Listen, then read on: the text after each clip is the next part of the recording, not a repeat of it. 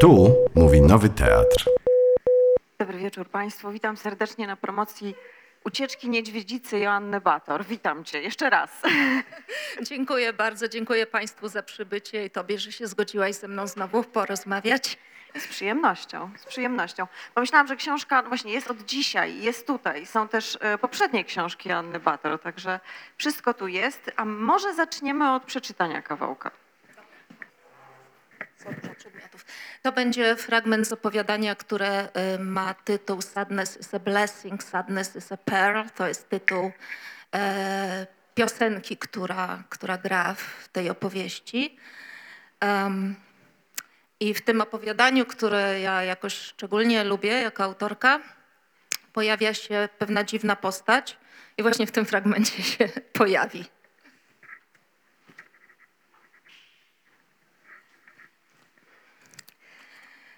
Nie wiem skąd wzięły się łzy. Na szkoleniu mówiono nam, pamiętajcie, to inni mają płakać. Nawet powinni, byle bez histerii. Wy musicie zachować wzniosłą powagę. Wzniosłą powagę do prawdy? Powiedział nagle ktoś koło mnie. Do tego zrobił to po angielsku. Zarośla trzmieliny zadrżały gwałtownie, jakby ktoś otrząsnął się ze wstrętem.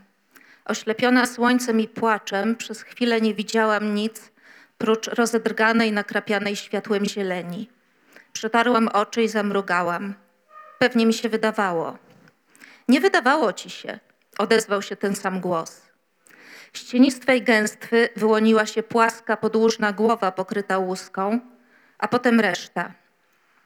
Wielka, złoto-zielonkawa skorupa, spod której wystawały łapy zakończone pazurami, a te zaskrobały na kamiennej ścieżce, gdy zwierzę zbliżyło się do mnie.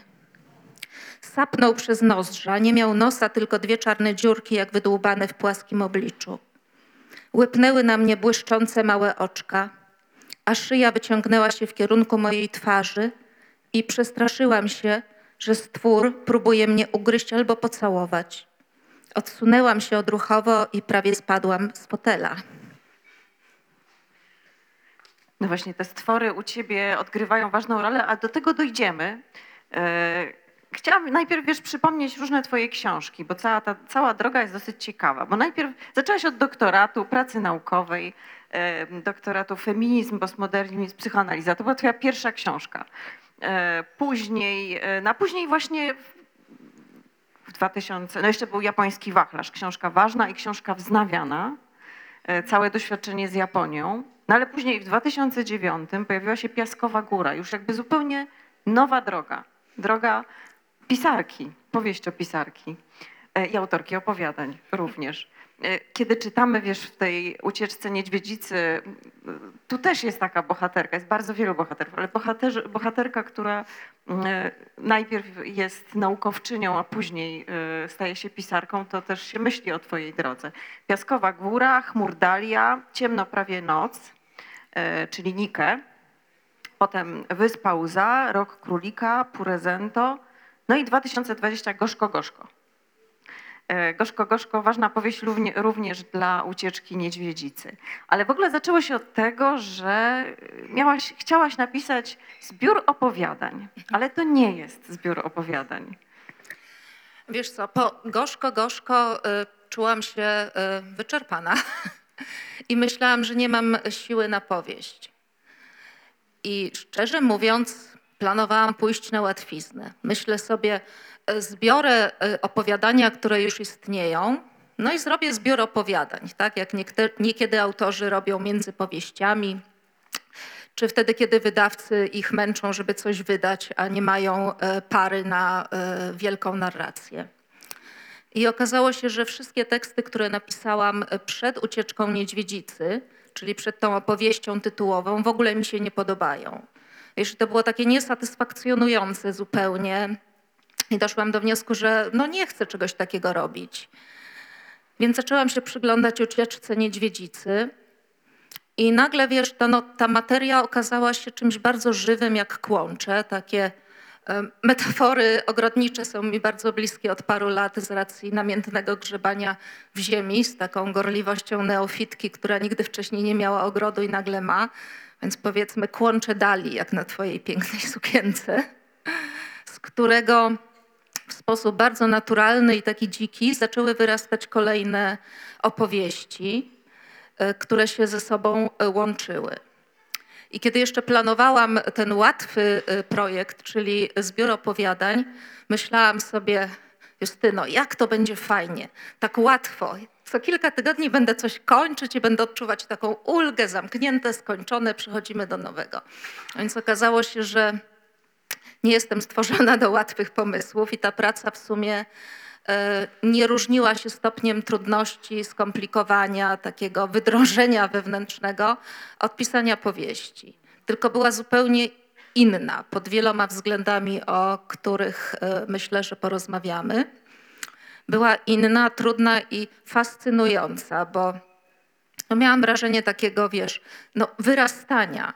Pisząc opowiadanie, powiedzmy czwarte, e, wiedziałam już, że ta postać przemyka mi gdzieś w drugim, tylko nie, jej nie widać. Ona się teraz musi pojawić, więc muszę wrócić do tego drugiego e, i ją tam e, zaznaczyć, tą jej niewidzialną obecność uczynić widzialną dla czytelników. I myślę, że taka praca na krótkich formach y, narodziła się w gorzko-gorzko, bo pierwszy raz pisałam powieść y, podzieloną na pliki. Tylko, że wtedy były cztery pliki. y, Berta, Barbara, Violetta i Kalina, a w tym przypadku tych plików było 16. I między nimi się poruszałam. Ale to było tak, że jakiś bohater cię wzywał po prostu, że teraz kończyłaś jedno i myślałaś, że tu teraz wyłania się, że ta postać teraz musi przemówić. Tak, to było mniej więcej w taki właśnie sposób, tylko każdy z tych bohaterów i bohaterek em, niósł pewien taki ładunek y, emocjonalny. Y, Na ogół związany ze współczuciem, z empatią.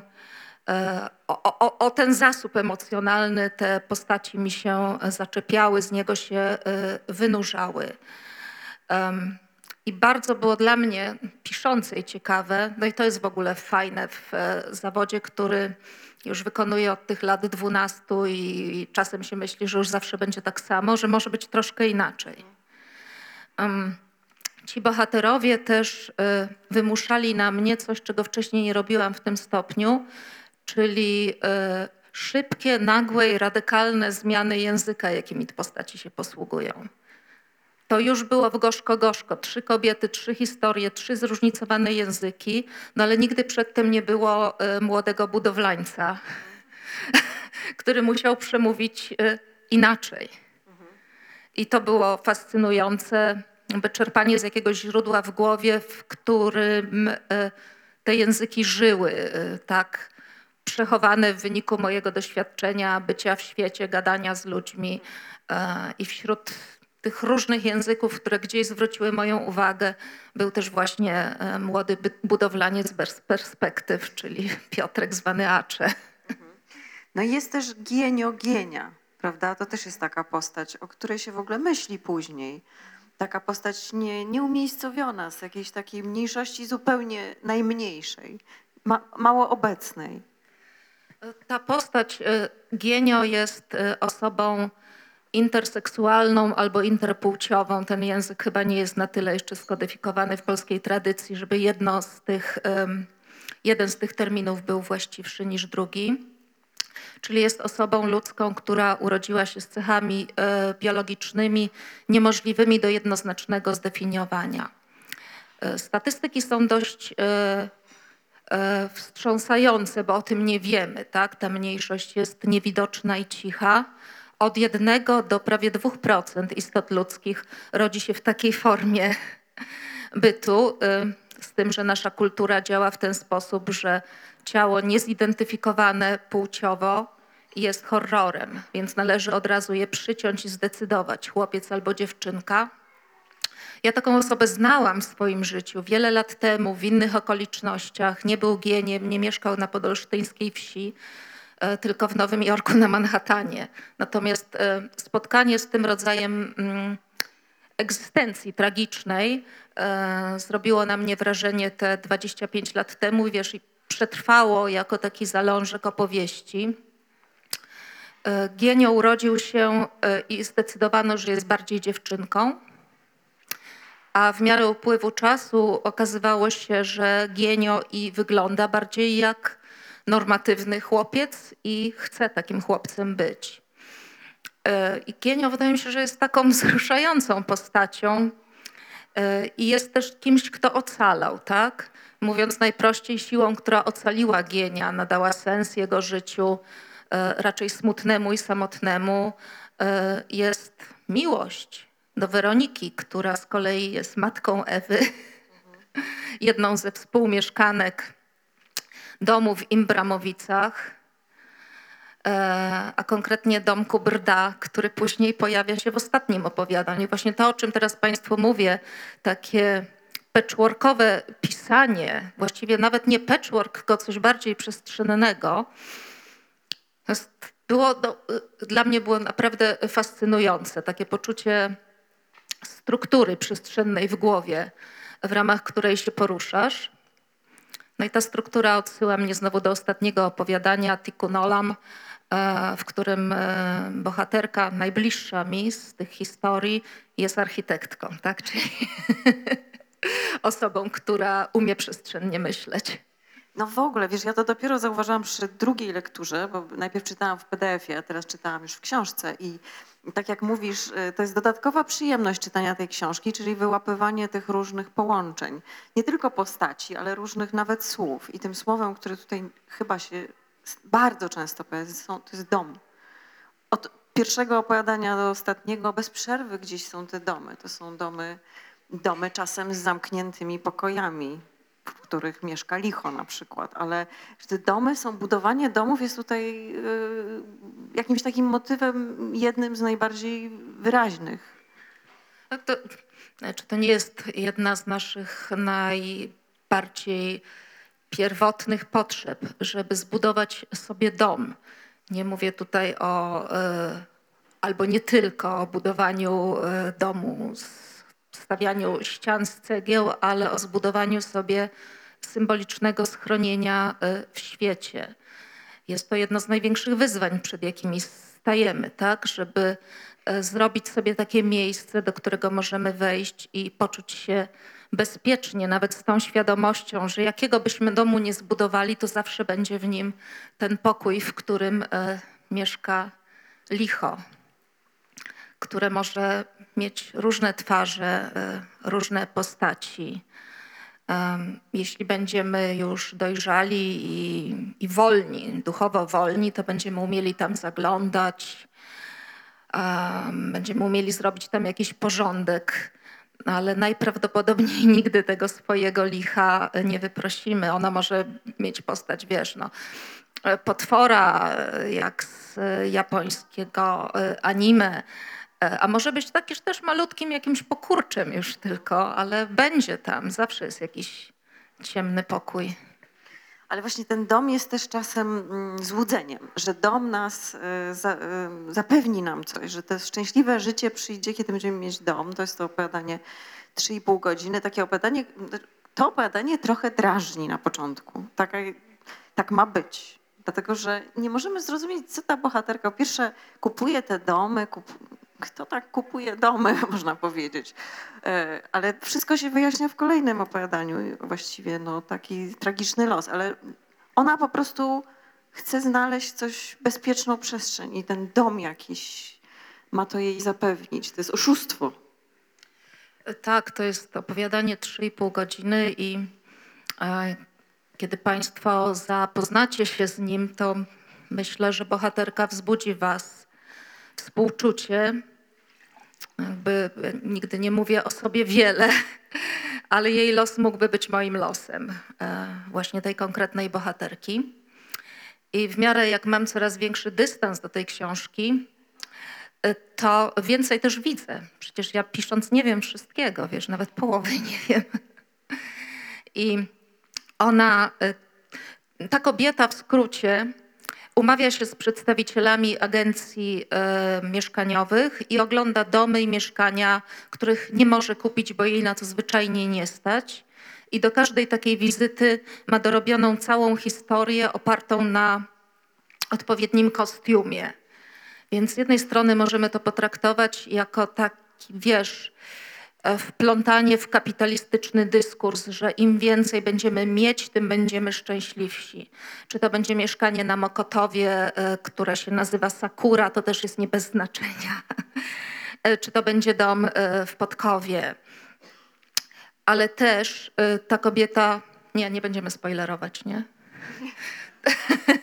ta kobieta z pewnych ważnych względów i tragicznej natury są to względy, jest symbolicznie bezdomna w tym świecie, w którym żyje. I to dramatyczne poszukiwanie siedziby, choćby w taki sposób iluzoryczny, ona nigdy tam nie zamieszka, e, jest próbą wyjścia z tej symbolicznej, e, bardzo radykalnej, bardzo bolesnej e, bezdomności. Jest osobą, którą system ma za nic. No właśnie, u ciebie jest taka bardzo szeroka perspektywa, można powiedzieć klasowa też tych opowiadań, bo są, są no właśnie, jest pani architektka, jest, y, niektórzy mogą je wyjeżdżać daleko, niektórzy mają y, coś, niektórzy nic nie mają właśnie, Acze, y, czy, czy robotnik, czy te dziewczyny, Ewelina, no to są, to są zagubione osoby, które właśnie nic nie mają. Także ta cała panorama społeczna jest tu bardzo bogata. Tak myślę, że to dość swobodne poruszanie się między światami wynika z tego, że w jakiś sposób e, znam oba. Em, pochodząc z środowiska tak zwanego nieuprzywilejowanego, niczego, co mam teraz, nie traktuję jako pewnik. Tak, nie miałam tego przysłowiowego mieszkania po babci w Warszawie, tylko przyjechałam tutaj z jedną torbą na kółkach. E, I, i, właśnie to takie poczucie, że e, uprzywilejowanie jest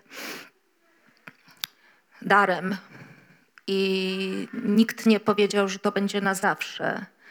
E, Pozwala mi osoby takie jak Acze widzieć nie jako jakichś takich egzotycznych, wiesz, tak jak w telenowelach pijaczków pod sklepem, tylko jako osoby, z którymi łączy mnie więź.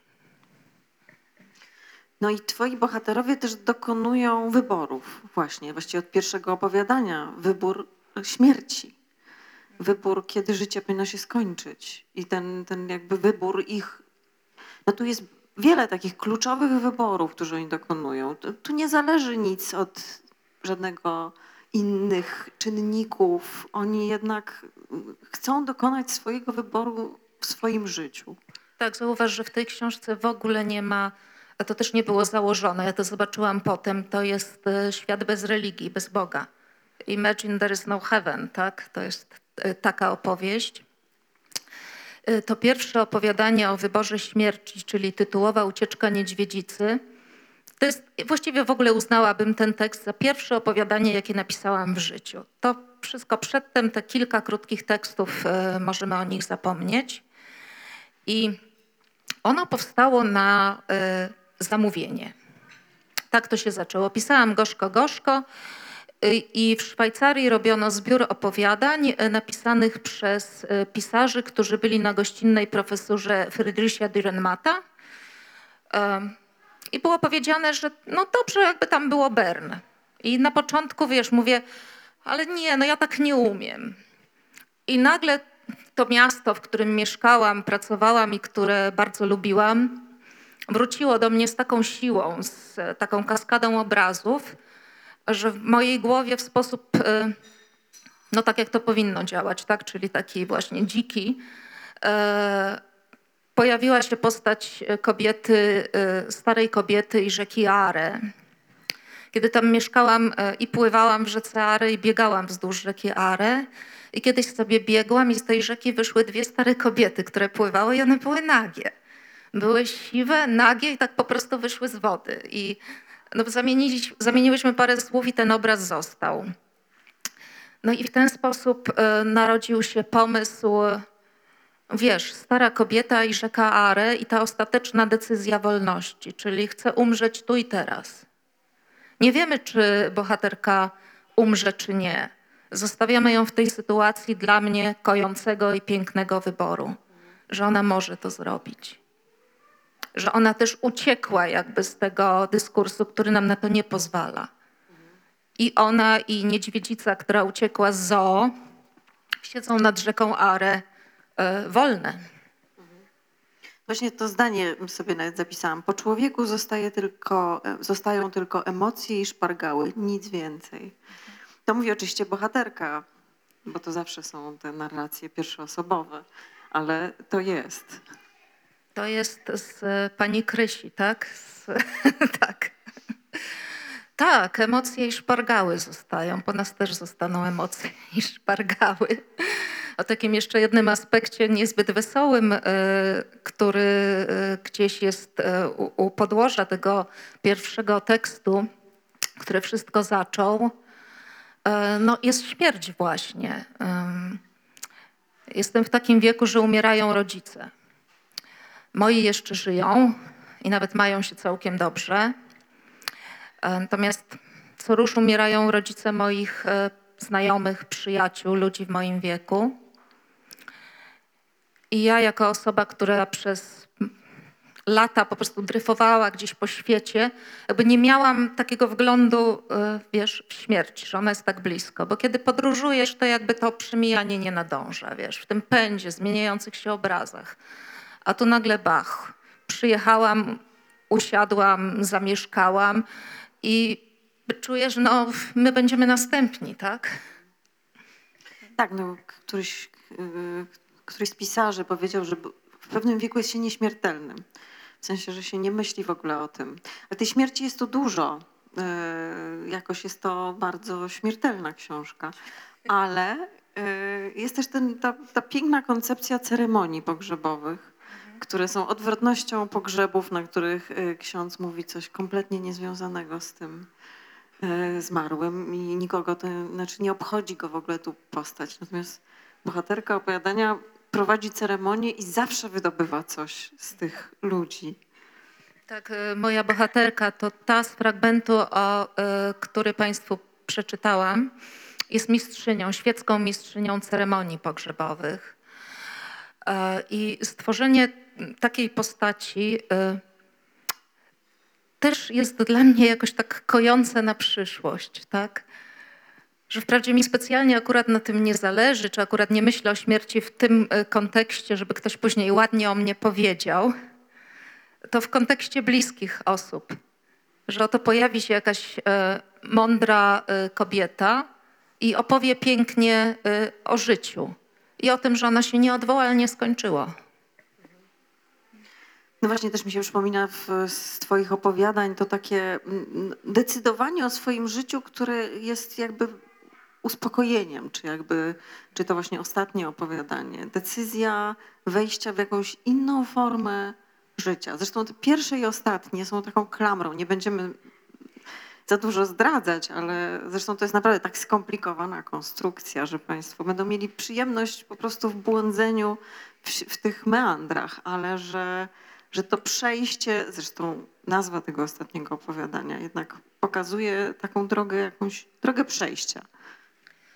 Bo w takim najszerszym sensie jest to e, książka o tym, jak zaangażować się w świat, jak zaangażować się w ogóle e, i jak na co dzień tocząc walkę z bezradnością, co na pewno e, wszyscy tutaj znamy to uczucie takiej właśnie bezradności wobec świata, który jest przerażający, okrutny i, i straszny, zwłaszcza dzisiaj.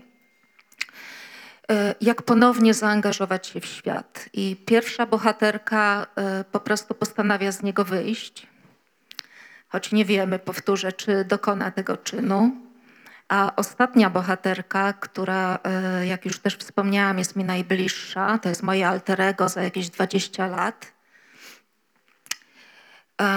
musi zejść, dużo jest takich miejsc, musi zejść do takiej przestrzeni, gdzie można popaść w stupor, można się wyłączyć na chwilę, powiedzieć sobie teraz nic nie robię, bo już po prostu nie, nie mogę. Po czym e, zbiera siły w wyniku pewnego wydarzenia, którego też nie zdradzimy. Tańczy nago buto na brzegu e, glinianek i ponownie angażuje się w to, co umie robić, czyli w budowanie i w naprawianie e, domów. No jest też bohaterka, która bardzo mnie ucieszyła, mianowicie wróciła Violetta. Wróciła Violetta z Gorzko Gorzko, taka właśnie bohaterka, która y, no, obchodziła wielu ludzi, wielu czytelników, czytelniczek, bo, no, bo jest taką postacią, y, no jakoś, nie wiem, jakoś bardzo naszą, no, taką właśnie, która wierzy, rzuca się w to życie, ulega ciągle jakimś złudzeniom, wierzy w tą miłość, a potem dostaje po łapach. Nie umie być matką, no w ogóle się... Ale tutaj zyskuje taki jakby mocne, mocne wejście i e, jakby się ogarnęła. E, Tak, pojawia się Violetta przez V i 2T, e, bo to jest tak, no, piszę, żeby przeżywać i doświadczać, no bo to daje twórczość, e, każda twórczość, to oczywiste, ale piszę też, żeby się komunikować. E, Dla mnie akurat ten e, odzew czytelniczy jest, jest bardzo, bardzo ważny, tak. I wiele osób czytających pytało mnie na spotkaniach o Violettę. Takie dwa skrajne bieguny. Mężczyźni, którzy nie byli w stanie przeczytać Violetty i zostawiali sobie wątek Violetty na koniec, tak była wkurzająca, bo jest straszliwie jest wkurzającą postacią. I kobiety, które mówią, ja to jestem taką Violettą, albo bywałam Violettą. No kto nie bywał, nie? E, Więc potraktowałam jej powrót, który nie był zamierzony. No nagle wsiam, no ale przecież no Violetty brakuje jako taki rodzaj e, prezentu dla e, moich czytelników. Ona pojawia się marginalnie, ale jednocześnie jakby możemy sobie wyobrazić, jak wygląda teraz w tej wersji e, w hotelu Sudety z nową wizją. I ja też taką miałam myśl, wiesz, e, że no, bo hotel Sudety też jest takim miejscem jak glinianki, jak piwnica w Szkaradowie, gdzie moi bohaterowie muszą przeczekać, przeżyć przemianę, żeby się znów wynurzyć i zaangażować w świat, że hotel Sudety jest szansą dla Violetty. Że ona tam już nie zakocha się głupio, tylko wiesz, no wyjdzie jako taka silniejsza, mocniejsza, fajna e, Violetta. No tak, bo ona się zajmuje, po prostu jest stylistką ich e, wszystkich, tych, tej, tej zbieraniny hotelu Sudety, co zresztą jest bardzo, można powiedzieć, filmowy wątek. Hotel Sudety, ja widzę to po prostu. Nie, nie, nie rozkręcajmy się w tym temacie. No dobrze, ale bo hotel Sudety, czyli y, ruina, taki no, post-PRL-owski, y, rozpadający się flagowy hotel, który jednak ma w środku życie, tych, którzy się trzymają tego życia. E, Hotel Sudety był najelegantszym hotelem na Dolnym Śląsku. Bywali tam dygnitarze, e, artyści. I ja lubię akurat brutalistyczną architekturę, więc on ma takie brutalistyczne, mroczne piękno. Szczególnie atrakcyjny wizualnie jest takie daszek, zadaszenie przed nim, które przypomina skamieniałą falę. On od 20 lat stoi pusty. E, Mój kolega e, wdarł się tam e, sprytem i przebiegłością i porobił mi zdjęcia w środku, jak już wiedział, że ja piszę to opowiadanie. I to, to są dreszcze, bo tam, no tam jest skondensowany gęsty czas. Wiesz, można wejść do pokoju i tam tylko kurz strzepnąć z tych, ktoś nazywał takie kanapy, wiesz, takie z taką tapicerką brązową i radia z epoki i wszystko. Ja pamiętam już umierający hotel Sudety e, i takie próby ożywiania go, jakieś małe biznesy, wiesz, solarium właśnie, po którym e, został szczątkowy szyld. I e, to też dla mnie jest ciekawe, jako osoby związanej z Dolnym Śląskiem, z Wałbrzychem, że hotel Sudety nigdy wcześniej nie stał się żadną zahaczką, wiesz. Mijałam go, zawsze rzucałam e, na niego okiem, ale nie zażarł. Czyli, że ta moja matczyzna literacka tak jest taka ewoluująca, że już dobra, niech będzie ten Dolny Śląsk, skoro tak działa mój umysł, ale że tam jest tyle nowego, że nie muszę, wiesz, wracać ciągle na przykład na Piaskową Górę, tylko po drodze jest hotel Sudety. No właśnie, ale jeszcze przy Violetcie, bo zapomnę, tak ładnie powiedziałaś, że koniec wioletowania. I to jest jakby taki etap może w życiu, prawda, że w pewnym momencie mówimy sobie koniec fioletowania. Ale Tak. czy to jest ostateczny koniec, to nigdy nie wiadomo. Ale imprezę pod tym hasłem można by zrobić, żeby jednak symbolicznie go zaznaczyć. Tak. Ale właśnie na przykład czytając teraz Erno, która y, wokół tego wioletowania zbudowała literaturę świetną, no to u niej się to wioletowanie nie kończyło. Ja Długo. nie- lata, lata zaczęłam czytać jeszcze przed Noblem i, i e, porzuciłam, wiesz? Także to nie jest chyba moja autorka po prostu. Może jeszcze wrócę, skoro wspomniałaś o tym violettowaniu, bo to ciekawy wątek. Ale jeszcze tych książek nie mamy, tych, które wzbudzały, właśnie tych po prostu o byciu wi- violettą. Ale dochodzimy do, do właściwie mm, być może najważniejszych tutaj bohaterów, mianowicie do zwierząt, bo e, no wszystko tu jest. Tu jest jakby taka, no jest, na- jest prawdziwa wspólnota. Jak mówisz o tym współczuciu, tej empatii, to wszystko to jest, to jest z nimi. Znaczy właściwie nie ma różnicy. Jakoś jesteśmy jedną wspólnotą tutaj. No Tak, to ta obecność zwierząt chyba na, narastająca w moich książkach e, związana jest e, no, z tym, jak ja, jak ja żyję w takim najgłębszym sensie, że e, nie czuję jakiejś radykalnej e, różnicy ontologicznej między istotami żywymi, człowiekiem i zwierzęciem. I e, brak zwierząt e, przez pierwszy etap mojego życia, ten nomadyczny, był bardzo dotkliwy. Był taką, wiesz, no, codzienną tęsknotą za obecnością e, tych istot, osób nieludzkich. Czyli upraszczając, byłam taką osobą, która jak widziała gdzieś kotka, to nie liczyły się jakieś zabytki przepiękne czy cuda architektury, tylko kucała i głaskała kotka. I teraz od sześciu lat mieszkam w jednym miejscu i widzę, jakim cudem jest e, współbycie e, z nimi. Jakim cudem, ale też podszytym, wiesz, taką grozą, że ich życie jest pomyślane na tak krótko. Na przykład życie psa jest pomyślane na tak krótko. E, Są najbliższe temu, co we mnie jest emocjonalnie żywe. No to okrucieństwo wobec zwierząt mnie triggeruje. Jeszcze do końca źródeł tego nie zbadałam, dlaczego. E, Być może wszyscy nosimy nieświadome poczucie winy za to, co zrobiliśmy zwierzętom, tworząc ludzki świat. Właśnie ja, ja jeszcze tutaj patrzyłam z przyjemnością, na przykład jak często się pojawia misia. No misia, twój piesek, e, ale właśnie Piesek, tak. piesek, który taki jest.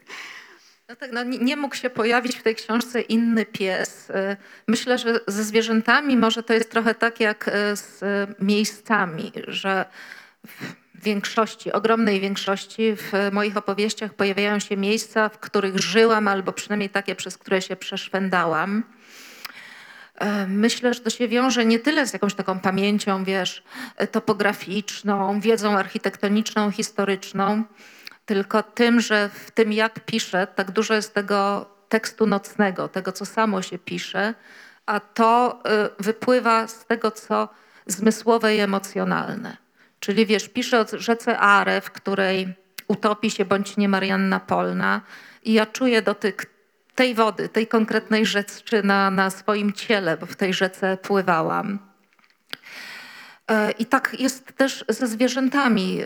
Przy rzece Are e, rzeczywiście jest zoo, w którym mieszkają e, niedźwiedzie. I zawsze jak chodziłam e, do pracy na uniwersytet, to koło nich przechodziłam, wiesz. Czułam ich zapach. No i potem pies. Misia jest moim pierwszym psem. I na pewno no, wszystkie psy, wszystkie wasze psy są najwspanialsze na świecie, ale y, kiedy w tekście potrzebuje psa, no to pojawia się jej wielka morda, tak? I jak będziecie czytać tę książkę, no to zobaczycie, że y, misio-podobny pies przechodzi tam sobie z y, opowieści w opowieść. A misia jest człowiekiem. Ale też tak myślę mm, o tym, o tej zwierzęcości, yy, no, że ona tu jest, znaczy po pierwsze jest nocna, bo to też na przykład przecież nieto, nietoperze, Batwoman, opowiadanie, które było już publikowane w piśmie chyba. Yy, ta, ta, to przejście, mm, że kiedy już nawet nie potrzebujemy ludzi, zawsze potrzebujemy zwierząt. Tak, Tak, bardzo ładnie to powiedziałaś. Nawet jak nie potrzebujemy ludzi, to potrzebujemy zwierząt. Y, To opowiadanie Batu... Tylko czy to nie jest zbyt antropocentryczne? No tak. No ale nie umiemy inaczej, tak. E, Batwoman, ch- chciałam napisać opowiadanie, dokąd może doprowadzić taka naprawdę bardzo radykalna empatia wobec e, zwierząt. Ale to nie to, żebym tak najpierw wiedziała, tylko pisząc, czy napisawszy, wiedziałam, o czym ono jest.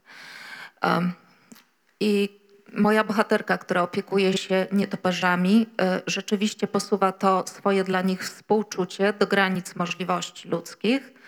A odpowiedź nie jest łatwa, jest y, dla każdego z czytelnika i czytelniczki do, do własnej obróbki, bo czy tak skrajna empatia, tak, tak wielkie zaangażowanie uskrzydla w dosłownym sensie, czy może doprowadzić do choroby psychicznej i śmierci. Albo, albo. No, myślę, mam teraz przed oczami te różne postacie u ciebie, postacie zwierzęce lub istoty, różne istoty, bo tam są też takie istoty, których nie powiem, nie możemy powiedzieć właściwie kim one są, ale są istotami na równi z ludźmi, ale mają też znaczenie symboliczne, tak jak ten sum, prawda? No bo to, mm, z ostatniego opowiadania, sum, który też jest jakąś częścią przemiany. Uśmiecham się, bo to jest moja przyjaciółka, która dobrze zna tego suma. A to on jest? Y, To jest ten, który jest, ale go nie widać. Y, Sum jest oczywiście nawiązaniem do historii o Jonaszu i o wielorybie, z tym, że tutaj mamy do czynienia y, z sumem.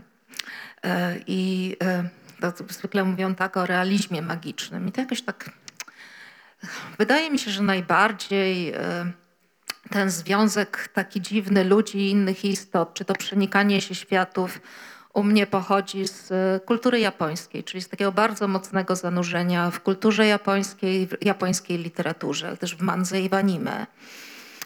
Ale w e, tej książce e, dziwne istoty, inne istoty. Hoffman jest, tak. No w jednym z opowiadań jest, jest Hoffman, pojawia się takie dosłowne odniesienie do Olimpii Hoffmana. Więc te stwory gdzieś przychodzą z pogranicza kultur, upraszczając zachodniej, tak, naszej europejskiej i, i japońskiej. I one dla mnie są e, równorzędne. Wiesz, no jest licho, tak, które też tak jak pies, tylko ono jest tym złem, podczas gdy pies jest dobrem, przechodzi z opowieści w opowieść. A licho jest z folkloru słowiańskiego z kolei. Tak, właśnie. Od razu widzę tę scenę, gdzie to licho się pojawia w domu, na strychu. E, No właśnie, bo to jest, można, są różne lektury tutaj, bo można jednak całą tą, tę książkę odczytywać jako taki, no właśnie, dom z różnymi zamkniętymi pokojami naszymi wewnętrznymi, gdzie są i licha, i te, no, no wszystko tam jest, i cierpienie, i, e, i właśnie każda rodzina ma swój zamknięty pokój. Są też te takie rzeczy, które z przeszłości nas wzywają. Wszystko, więc można też taką, mimo że to jest bardzo dużo miejsc jakby mm, fizycznych, to można to jakby czytać też jako taką przestrzeń wewnętrzną. Tak, myślę, że, że na pewno w ten właśnie sposób można, bo to, o czym mówisz, te zamknięte pokoje, te strychy i piwnice, które wołają nas z przeszłości, to jest taki wątek, który mm, pojawia się we wszystkich moich książkach, tak. Gorzko, Gorzko jest szczególnie wyraźnie zaznaczony, jest tam, jest tam strych, na którym mieszka mój osobisty upiór. E, Z osobistego upiora zrobiłam e, postać w Gorzko, Gorzko, czyli Zbyszka e, Papugę. Czyli z Wisielca z mojej historii osobistej zrobiłam postać. No i on jakby w mojej historii osobistej, wiesz, w tym pokoju w mojej głowie stracił dużo mocy już się ponakładał z tym Zbyszkiem Papugą, już nie jest taki przerażający, jest już o wiele bardziej y, oswojony, no ale oczywiście, że tam jest. No. No to ja mam ten fragment do przeczytania.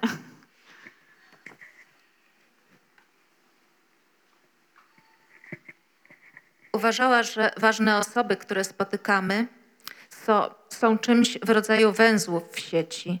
I jeśli mamy szczęście, poznamy wzór, jaki tworzy całość. Bo za tymi supłami i przed nimi są inne. Ludzie, których poznaliśmy po drodze, czasem tylko przelotnie, nie zdając sobie sprawy, jak znaczącą rolę odegrali w naszym życiu. Dotyczy to nie tylko osób, ale też zwierząt, domów, książek, mórz, istot wymyślonych. Nie wpadamy na siebie ani w ogóle na nic przypadkowo, tłumaczyła z pasją Ewelina, tylko uparcie podążamy pajęczyną ścieżek, która nas do siebie przyciąga i łączy. Nie ma przyczyn ich skutków. Jest tylko sieć. Taka sieć jest jak osobne opowiadanie, moje, twoje, które w pewnym momencie krzyżuje się z innym, nieprzypadkowym, a to łączy je we wzór niepowtarzalny jak płatek śniegu. To nasze życie, nasza opowieść. A tam dalej jest o zamkniętym pokoju właśnie. E, Tak po prostu musiało być, że się spotkałyśmy i nie był to ani przypadek, ani przeznaczenie. Ja co prawda wierzyłam, że życie przypomina kłębek poplątanych nici raczej niż płatek śniegu, ale podobała mi się aura niezwykłości, jaką Ewelina nadała naszemu spotkaniu i to, że mnie wybrała. Moja opowieść była zwyczajna, nie licząc zamkniętego pokoju brata Adasia, który zmarł na długo przed moimi narodzinami. Ale każda rodzina ma taki pokój, realny albo symboliczny, i dlatego zdecydowałam się studiować psychologię. Potrzebowałam kluczy, by do takich pomieszczeń zaglądać. Wyobrażałam sobie siebie w przyszłości właśnie jako kogoś w rodzaju klucznicy, podzwaniającej metalem przy pasku, skutecznej i kompetentnej. I wiesz co? Teraz właśnie, jak to przeczytałam, sobie zdałam sprawę, że to, co mówi e, bohaterka Marta, co mówi Marta o tym, że wyobrażała sobie siebie jako kogoś w rodzaju klucznicy, e, to mogłoby być e, opisem e, tego mojego życia sprzed pisania, czyli życia akademickiego, że być może ja też sobie siebie wyobrażałam właśnie jako kogoś w rodzaju klucznicy, kto tam, wiesz, przestudiowawszy Freudów, Lacanów, Klein i tak dalej, już ma te klucze do wszystkich pokojów. Okazało się, że nie, że, że jednak one nie do wszystkich pasowały. No ale jak to się stało właściwie, że, no, że, że napisałaś, że zobaczyłaś, że inny język bardziej ci leży? Wiesz co, no potrzebny był znowu to do tej metafory domu rozrastającego się wracamy. e, Potrzebny był jeszcze jeden pokój w moim domu osobistym, e, czyli Japonia. E, Dopiero wtedy miałam po raz pierwszy w życiu. Pierwszy raz w życiu po pierwsze byłam samojedna, czyli i sama, z możliwością też takiego skupienia na sobie, nawet e, nieco egoistycznego skupienia na sobie. Oto jestem w Japonii, będę tu przez dwa lata e, i mogę zrobić wszystko. Myślowo mogę zrobić wszystko.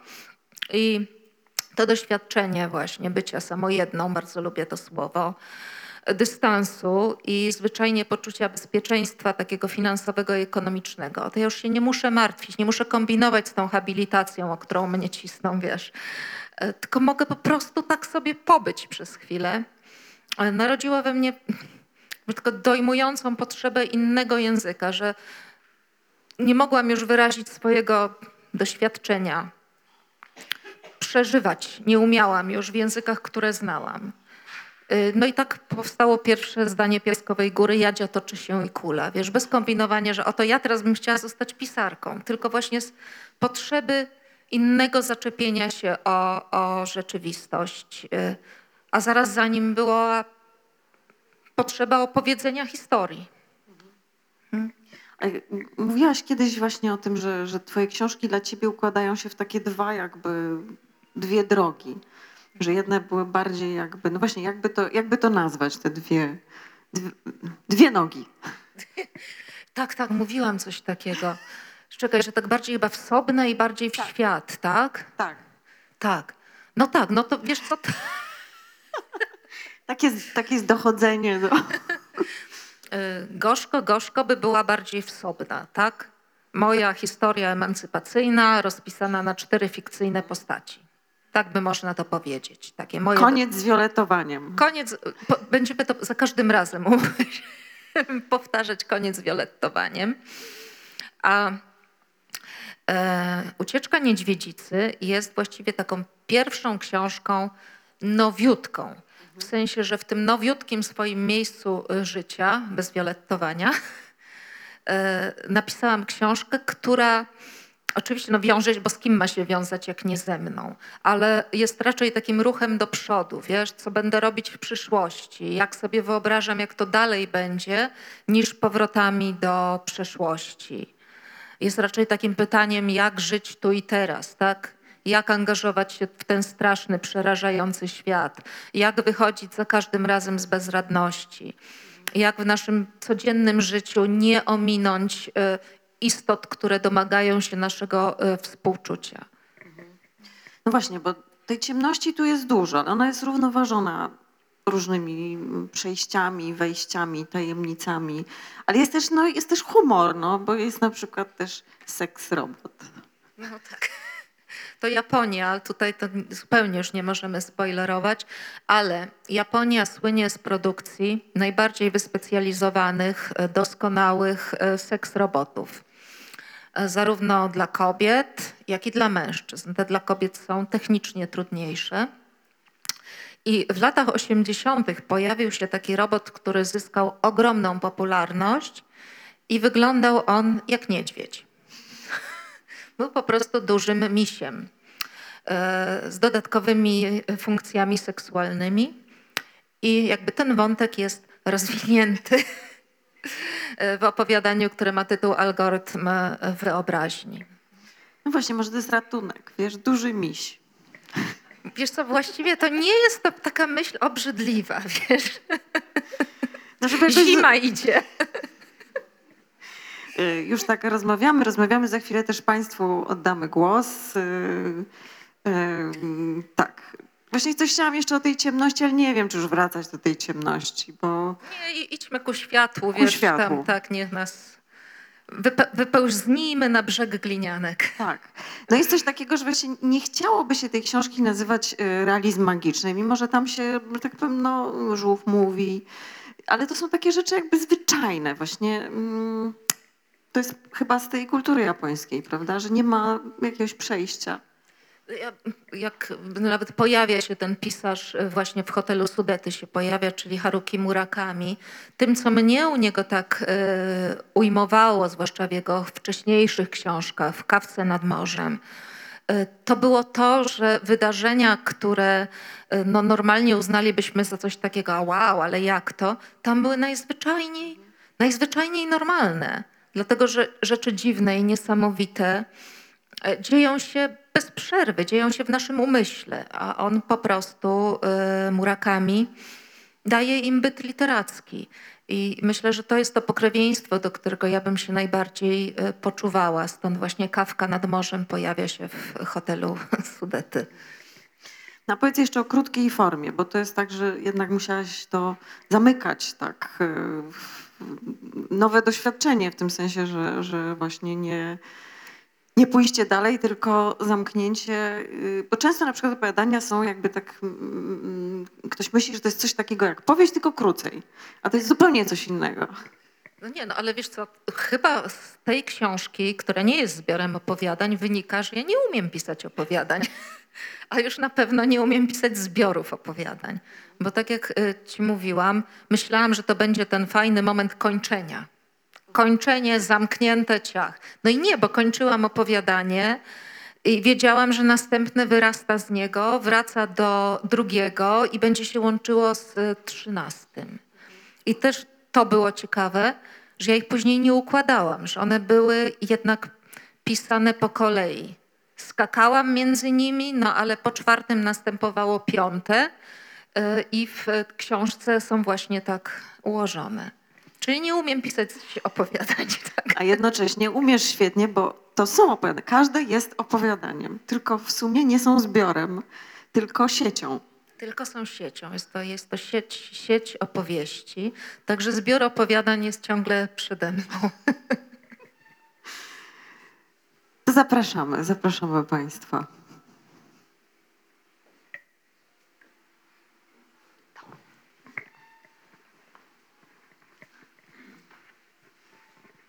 Może zacznę od tego, że jeszcze nie czytałem Niedźwiedzicy, E, ale mm, co chciałem powiedzieć, że Kiedy dowiedziałem się, że są to no, na potrzeby wydawnicze y, opowiadania, mile się zaskoczyłem, bo to dowodzi tylko, jak bardzo uniwersalną autorką pani jest, bo mieliśmy arcypolską Piaskową Górę przez Mroczną Baśń w postaci Ciemnoprawie Noc, później kameralne japońskie Purezento i ostatnio obyczajowe wielopoziomowe Gorzko Gorzko.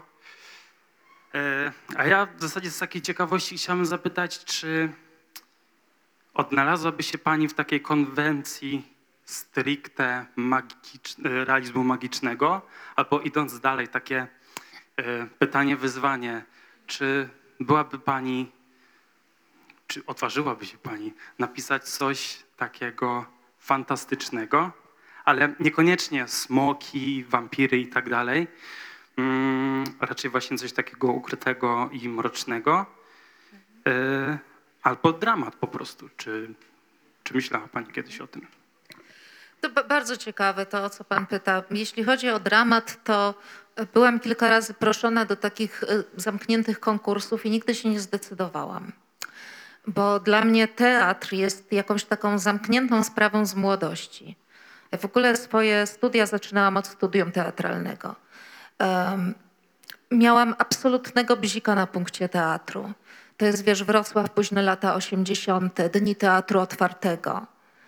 I to się jakoś zamknęło w moim życiu jako dalekie wspomnienie czasów studenckich i nie odważyłam się spróbować. By tak daleko jestem od teatru, a fantastyka jest najbardziej obcą mi e, ścieżką, jaką tylko można sobie wyobrazić. E, Prędzej pewnie bym się pokusiła na jakiś taki eksperyment, tak troszkę dla beki, a troszkę, żeby spróbować e, swojego umysłu, tak, władz swojego umysłu, żeby e, napisać coś z perspektywy bohatera męskiego, którego nie lubię. Który jest mi taki, że ble, tak, myśliwego. Myśliwego Janusza. Albo Wiesława. E, Fantastyka, e, mimo, nie wiem, no, e, Władca Pierścieni to jest jedna z książek, fundamentów mojej młodości. Ursula Le Guin. Ale nigdy nawet nie zajrzałam za te drzwi. Ale to jest niewykluczone. To na, naprawdę niczego nie można wykluczyć, co się wiąże z tworzeniem światów z literek w moim życiu.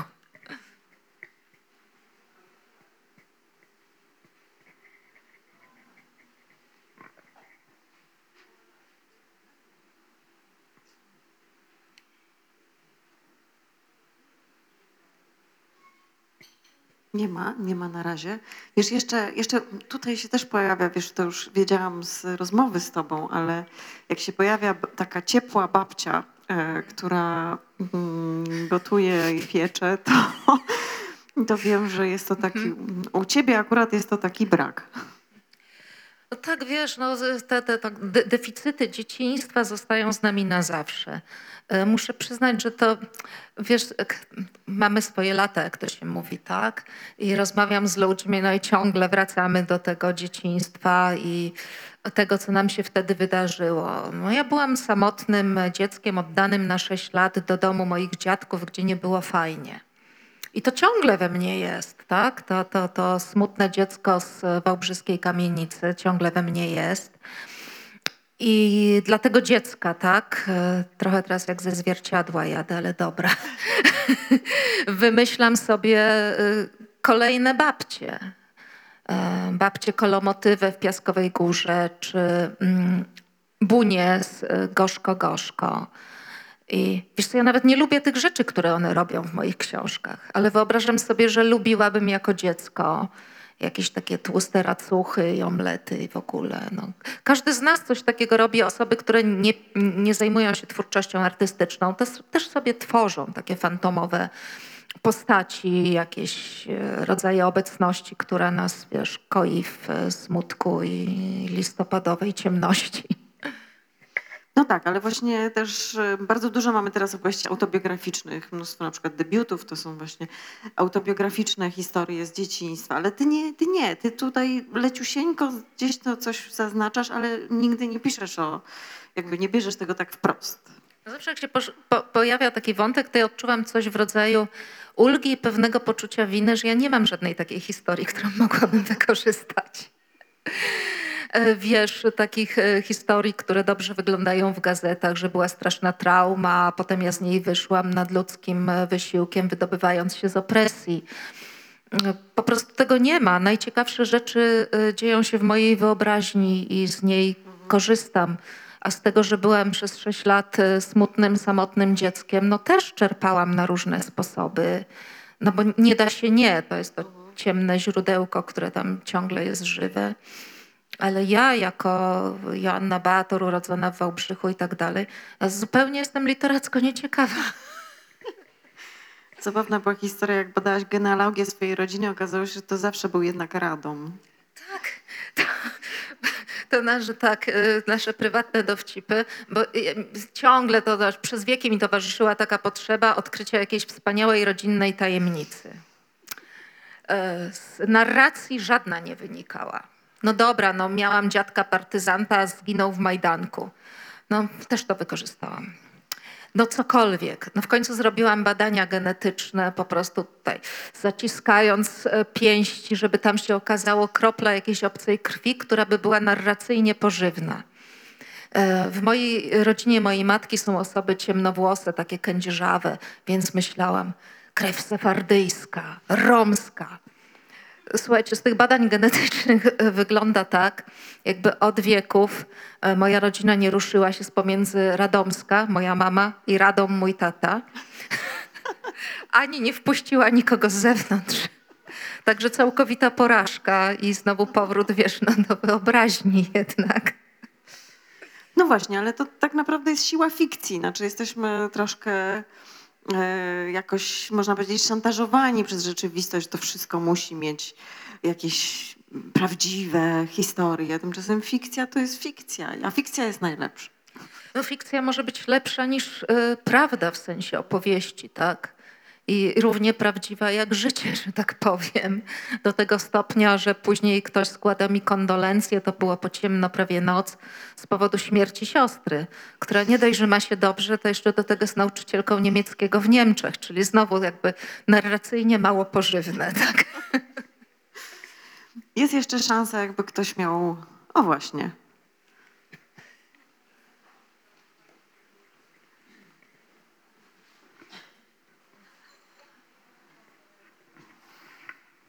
W zasadzie odpowiadając na poprzednie pytanie, odpowiedziałaś trochę na pytanie, które ja chciałem zadać. E, O, tą, o tego bohatera męskiego. Ale to inaczej zadam. Co musiałoby się stać, czego byś potrzebowała, żeby ten bohater był taki, że można go lubić i że nie zginie na dziesiątej stronie? E, Już w tej książce moi męscy bohaterowie mają dość dużą moc, e, dużą przeżywalność. O wiele większą niż w moich e, poprzednich e, książkach. To rzeczywiście, oni nie giną śmiercią gwałtowną, nie zadławiają się pączkami. Jak to już z Justyną rozmawiałam przy innej okazji, e, wiąże się to z tym, że w ostatnich latach mężczyźni, różni mężczyźni, mm, wzbudzili we mnie większą empatię, która wynika z innego rodzaju uważności mojej, innego rodzaju e, bycia w świecie. Znaczy, nigdy nie uważałam, że e, w tym systemie, w którym żyjemy, e, mężczyźni są jak pączki w maśle wyłącznie, tak? Ale chyba musiałam dotknąć konkretnych historii, zobaczyć konkretne osoby, nie wiem, chłopaków, którzy przewijali się przez moją budowę, tak, zniszczonych e, w taki sposób, że mogą równie dobrze mieć 25, jak i 45 lat. I to wyobrażenie ich życia, tak, e, którego ni- nigdy nie poznam w takim stopniu reporterskim, ale jakby to wystarczało, żeby poczuć, żeby pozwolić im przeżyć, tak jak mm, Piotrkowi z e, hotelu Sudety, który z tego właśnie wyrósł. Z tych zniszczonych twarzy, złego uzębienia, z tych szczątkowych historii wiecznego niedostatku i wiecznej presji, że muszą zarobić pieniądze, że muszą pomóc rodzicom, że muszą zarobić jakieś pieniądze, wiesz. Także jakby jeśli chodzi o męskie osoby bohaterskie, to jestem na dobrej drodze, myślę. To ładna kategoria, osoby bohaterskie mamy już. Spodobało mi się to ostatnio. Jakoś mi się tak, wiesz, wykluło, żeby nie powtarzać bohaterowie i bohaterki, osoby bohaterskie. Od razu mają wyższy status. Prawda? Tak, tak. No i są bohaterskie też i w tym sensie, żeby przeżyć takie narracje. To wymaga to pewnego bohaterstwa. Czy jeszcze ktoś?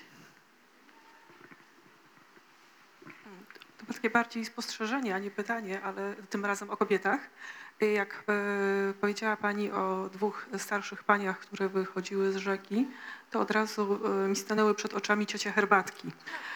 I, czyli jest jakaś analogia tak, do tego. Tak, no to były ciocie herbatki, tak. Już nie chciałam takiego tutaj samoodnoszenia się uprawiać, ale to było dokładnie to mm, wrażenie niesamowite, że spotykasz postaci ze swojej książki. I, one też przeżyły, tylko przypłynęły do Berna i wyszły z rzeki Are. No, dziękuję za to, że pani zauważyła herbatki.